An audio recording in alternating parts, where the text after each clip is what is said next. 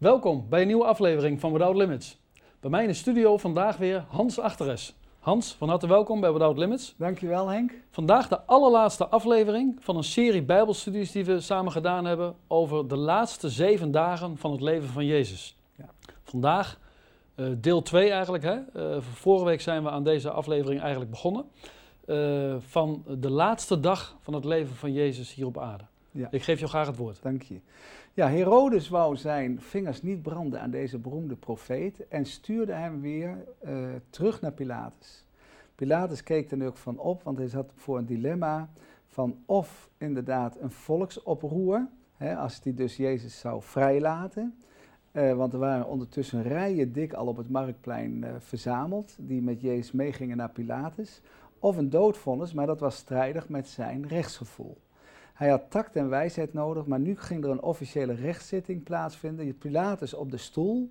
En hij zei: Herodes en ik hebben geen enkele schuld gevonden. En hij is niet de doodwaardig. En hij probeerde met een, een kluitje in het riet de Joden te sturen door te zeggen: Daarom laten we hem dus nu geeselen en loslaten. En Pilatus was overtuigd van: Nou, dan is het ook gebeurd. Maar de reactie op het marktplein was: Nee, weg met hem. En ze schreeuwden inderdaad en ze gebruikten hun vuisten. En in alle toonaarden bemerkte hij, er is al gaande een duivelse massahysterie. Opeens waren daar mensen met een verzoek bij Pilatus. En die zeiden, hoogedele Pilatus, we hebben een vrijlatingsverzoek, want bij Pascha zou er altijd iemand vrijgelaten worden. Ja. Nou, dat, dat, uh, dat was dus tussen Jezus en dat was inderdaad tussen Barnabas. En Pilatus die dacht, akkoord, dat doen we, maar hij wist, daar zit een risico in. De macht leg je daarbij bij het volk, dus het was cruciaal. Maar hij dacht, het zal gebeuren dat ze, dat ze kiezen voor Jezus en vrijlating. Dus Pilatus schalde over het marktplein, wie zal ik loslaten? Ja. Nou, de menigte ging met elkaar verluisteren, overleg voeren en er was natuurlijk sprake van manipulatie. En dat duurde even een tijd. Toen kwam er een onderdaan bij Pilatus met een briefje van zijn vrouw. Nou, dat willen we graag lezen in Matthäus 27, vers 19 tot en met 26. Want zijn vrouw, uh, Procula, zei: Bemoei je niet met deze rechtvaardigen. Ja, vanaf vers 19. Ja. Matthäus 27, hè? Ja. Daar staat: Terwijl hij nu op de rechte stoel zat, zond zijn vrouw hem de boodschap: Bemoei je toch niet met die rechtvaardigen. Want ik heb heden in een droom veel om hem geleden. Maar de overpriesters en de oudsten overreden de scharen dat zij om Barabbas zouden vragen, maar Jezus zouden laten ter dood brengen. De stadhouder antwoordde en zeide tot hen: Wie van die twee wilt gij dat ik u loslaat? Ze zeiden: Barabbas. Pilatus zeide tot hen: Wat moet ik dan doen met Jezus, die Christus genoemd wordt? Ze zeiden allen: Hij moet gekruisigd worden. Hij zeide: wat heeft hij dan toch voor kwaad gedaan? En ze schreeuwden des te meer: Hij moet gekruisigd worden. Toen Pilatus zag dat niets baatte, maar dat er vele oproer ontstond, nam hij water, wies zich de handen ten aanschouwen van de scharen en zeide: Ik ben onschuldig aan zijn bloed. Gij moet zelf maar zien wat er van komt. En al het volk antwoordde en zeide: Zijn bloed komen over ons en over onze kinderen. Toen liet hij hun Barabbas los, maar Jezus gezelde hij en gaf hij hem over om gekruisigd te worden. Tja, Paulus wil naar mijn inziens toch niet capituleren. Nee, hij heeft er wel vijf pogingen gedaan. En uh, hij schrok natuurlijk enorm toen er een massaal geschreeuw was van Barabbas vrijlaten. Ja. In het hart van Pilatus, Henk, heeft het gestormd. Hij merkte, dit is een moorddadige bende aan het worden. Theologisch geneuzel, loeiende koeien, er is verzet. En hij probeerde dit te ontlopen. En hij zei ook: Wat moet ik doen met Jezus die Christus wordt genoemd? Moet je nagaan, de gezalfde en de gezondene van de Heere God. En ze schreeuwden uit één keel: Kruisocht hem, kruisocht hem. Verbaal geweld, een duizendkoppig publiek en Pilatus. Wat heeft hij dan voor kwaad gedaan? Hij worstelde ermee. En nogmaals doet hij opnieuw een voorstel: ik ga hem geeselen en loslaten. Maar ze waren aan het joelen. Macht tegenover macht. En het werd alleen maar harder. En natuurlijk, Barnabas, ja, Barabbas, sorry, Barabbas grijnsde. Eh, ja, ze begonnen al harder te schreeuwen, kruisigt hem. En Jezus had gewaarschuwd, pas op voor de mensen, pas op. En innerlijk heeft hij met zijn hoofd geschud. De brillende leeuw bleef tieren. En Pilatus ging demonstratief zijn handen wassen in onschuld. Dat is wel wat anders natuurlijk dan Jezus zijn discipelen de voeten waste. Pilatus wou geen doodstraf. Een week daarvoor zeiden ze nog inderdaad Hosanna bij de intocht. Daar hebben we het over gehad. En nu schreeuwen ze zijn bloed komen over ons en onze kinderen. Kruisigt hem. Nou, hij werd afgevoerd, niet voor het oog van de mensen, maar hij onderging een geesteling. Doffe klappen kwamen op zijn lichaam, op zijn rug. Lode balletjes, een foltering tot en met, maar Jezus gaf geen geluid, geen geluid. Voor de soldaten, die vonden het fijn. Dat was weer wat anders dan dat saaie leven. Dus je zou zeggen, ze sloegen erop los. Maar, en ze deden nog extra een doornenkroon op zijn hoofd, een vieze soldatenmantel aan van purperkleur.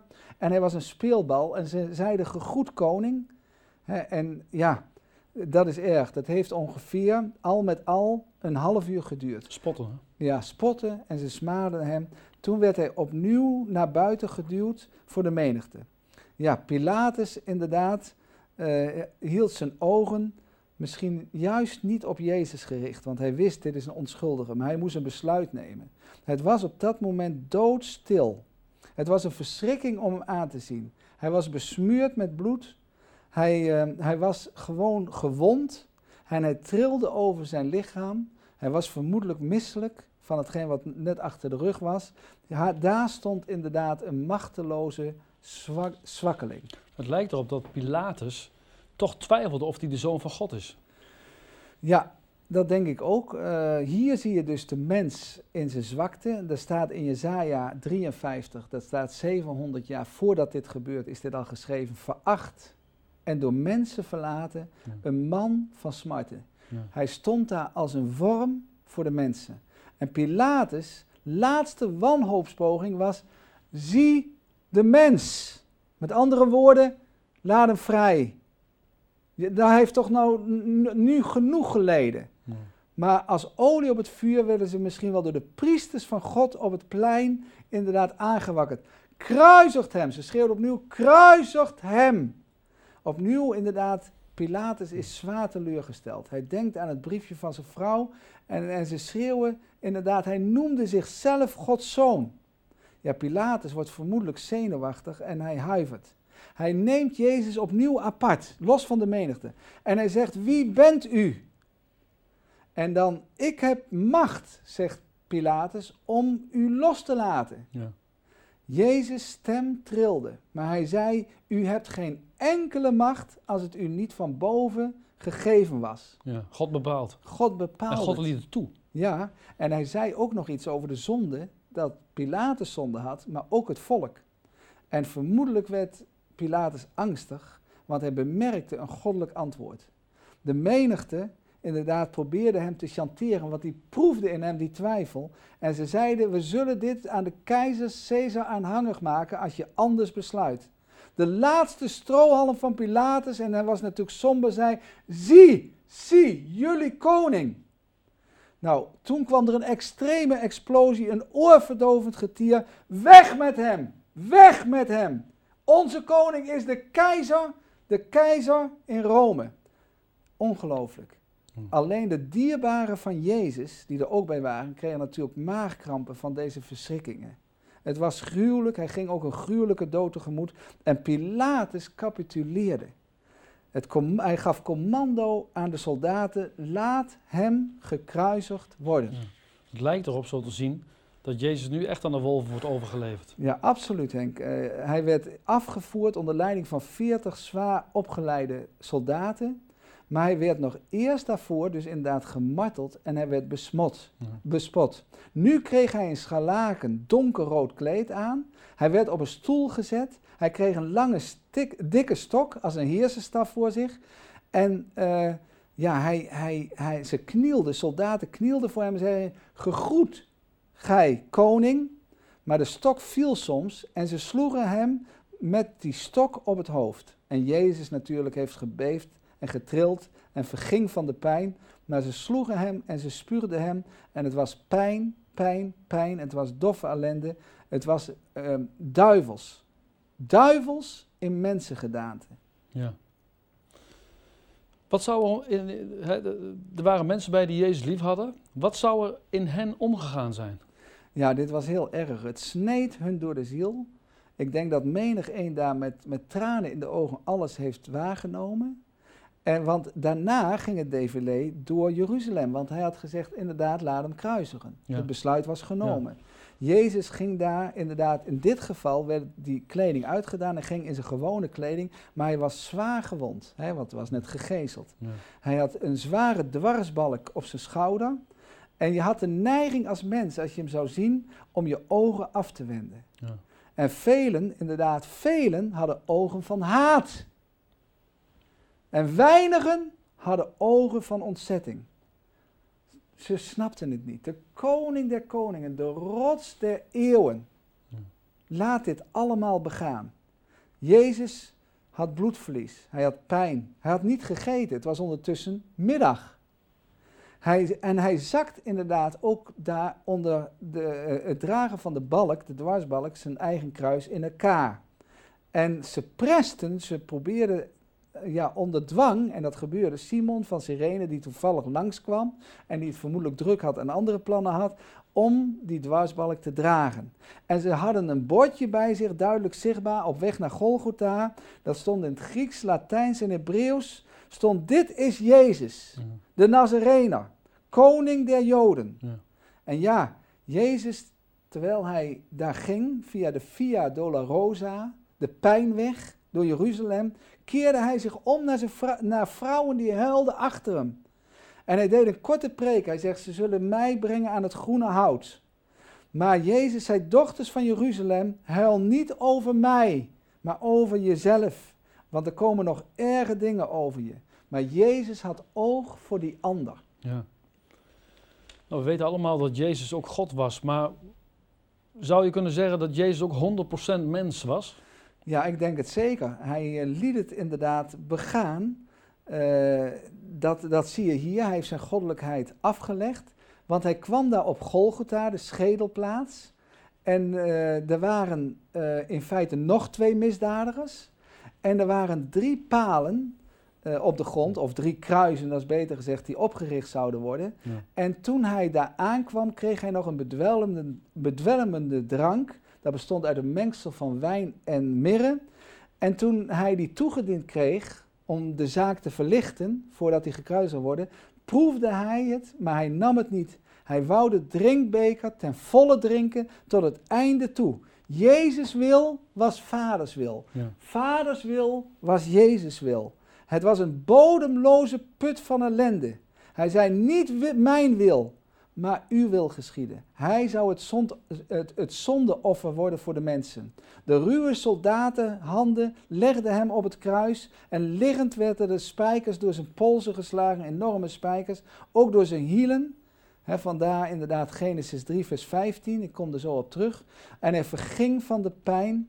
je mag blij zijn als je nog adem had. En toen hij weer wat adem had, zei hij, Vader, vergeef het hun, want zij weten niet wat zij doen. Ja, ja en, en hij hoefde maar één gebed te doen en 72.000 engelen stonden hem ter beschikking.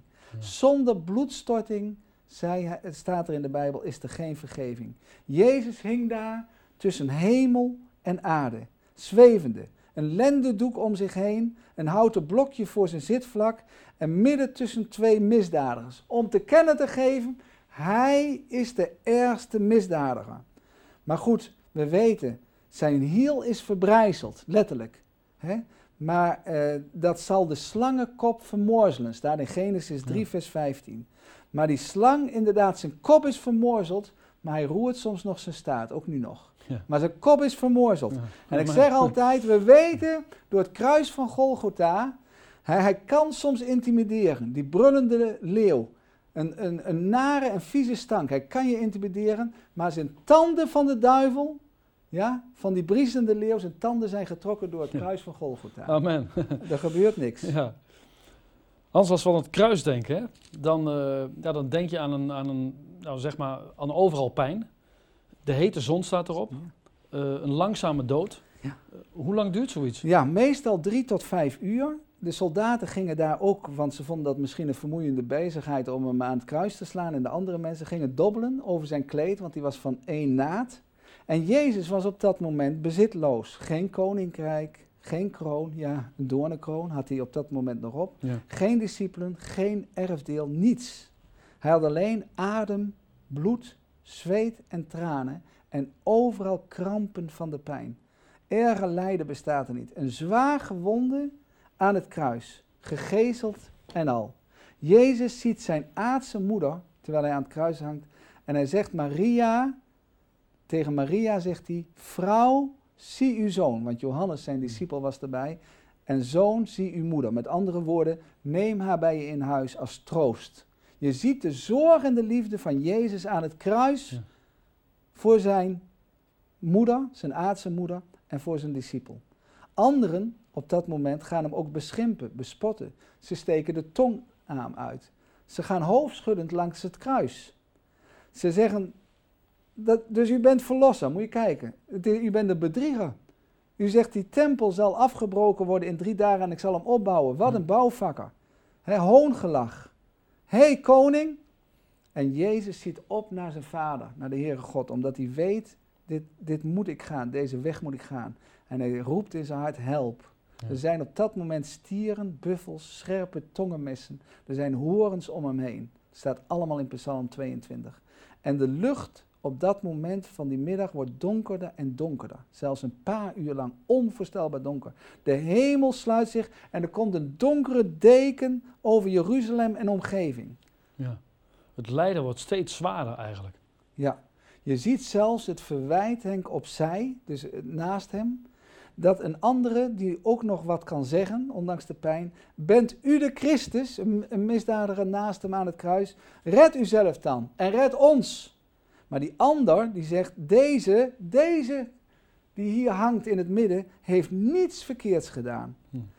En hij zegt, gedenk mij, heren, als u in uw koninkrijk komt. En dan zegt de Heer, heden zult gij met mij in het paradijs zijn. Ja. Het is nooit te laat. Op het allerlaatste moment wordt iemand gered voor de eeuwigheid. Ja. Het is nooit te laat. En ieder die de naam des Heeren zal aanroepen, zal behouden worden. De Bijbel zegt ook, hè, vele laatsten zullen de eerste Ja. zijn. Bij de Heer inderdaad is, is het wonderbaarlijk. Deze man ontvangt aan het kruis, Henk, volle vrede in zijn hart. Ja. Dat is een wonder. Ja. Hij gaat inderdaad, hij sterft, maar met vrede van God in zijn hart. Ja. Anderen inderdaad, die denken, waar blijft die wondermacht? Die zeggen, kom af van dat kruis, wonderdoener. Hij heeft een onmenselijk lijden. De tijd verstrijkt. Alle geloof in Jezus lijkt weggeslagen bij de Joden. Ja, eh, er is de intimidatie van de, de duivel. Wij moeten inderdaad proclameren het woord van God. Want je kunt zo misleid worden. Nou, ik denk om het zo uit te drukken dat er een zwarte kraai gaat zitten op de dwarsbalk. Bij wijze van spreken in de buurt van de arm van Jezus. Hij is machteloos. Jezus heeft inderdaad op dat moment menselijk gesproken, om het zo uit te geen macht. De aasgieren inderdaad heeft hij geen macht om die weg te sturen. Het wordt al donkerder, al donkerder.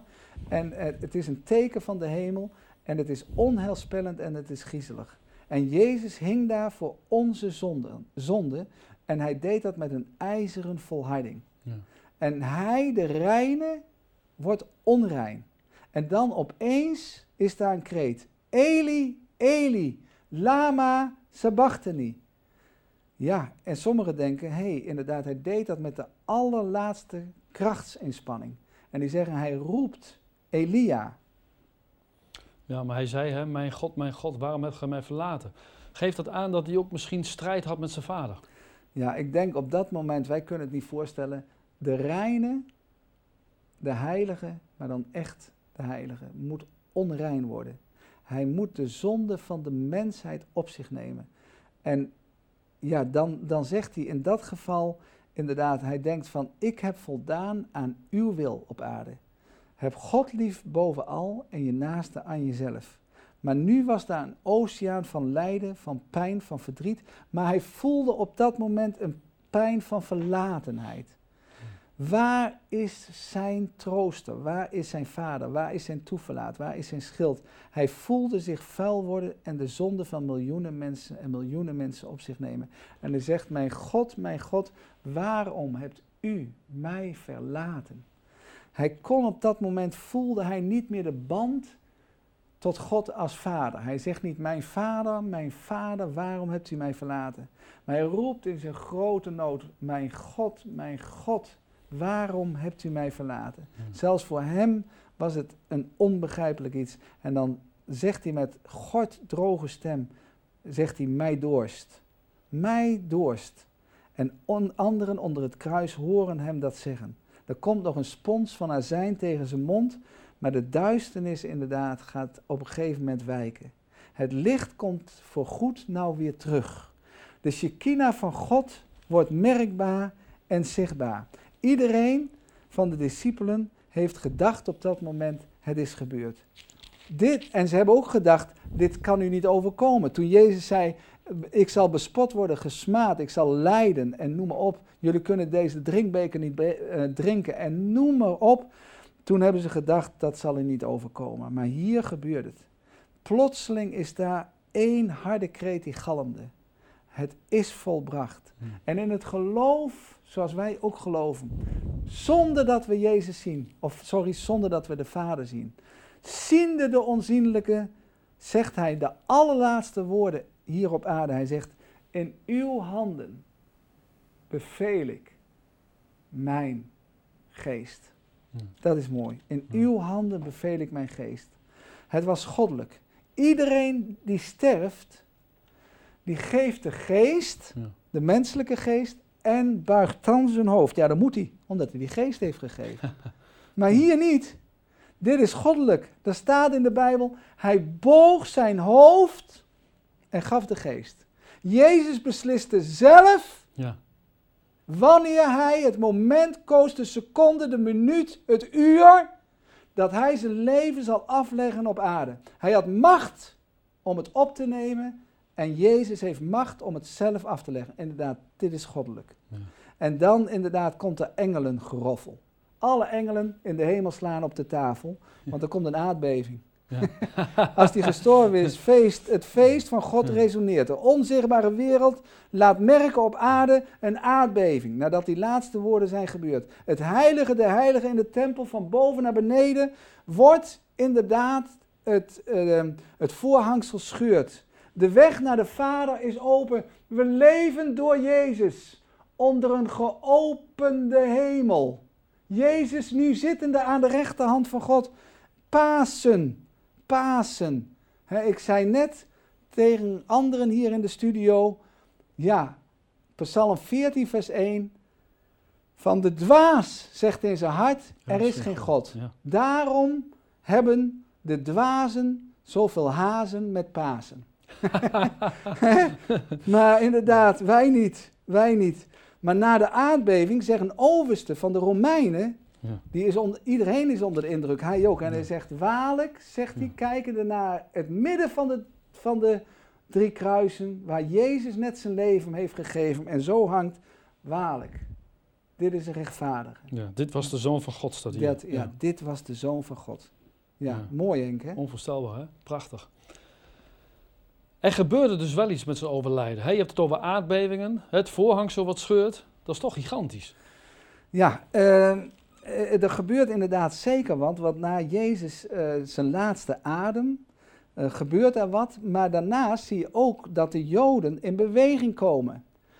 zij, willen dus, zij gaan dus opnieuw naar Pilatus toe. Nou, Pilatus denkt, van daar komen ze weer. Verschrikkelijk, ja. verschrikkelijk. En hij, ze willen dat, dat de lichamen van de drie mensen aan het kruis uh, voor zonsondergang eraf gehaald worden. En ze zijn bang nog steeds voor Jezus. Want ze zeggen, hij heeft gezegd, na drie dagen zal ik opstaan, dus wilt u hem verzegelen. Dus om die, die, die ehm, grote, onvoorstelbaar grote steen voor het graf kwamen daar ja, ijzeren zegels met een verzegeling. Ja, daar kon, van, eh, kon geen mens hem loskrijgen. En soldaten bij het graf. En ja, vermoedelijk uh, ter voorkoming van oproers, zei Pilatus, in, dat, dat doe ik. Maar hij vond het natuurlijk maar fanaten, godsdienstfanaten.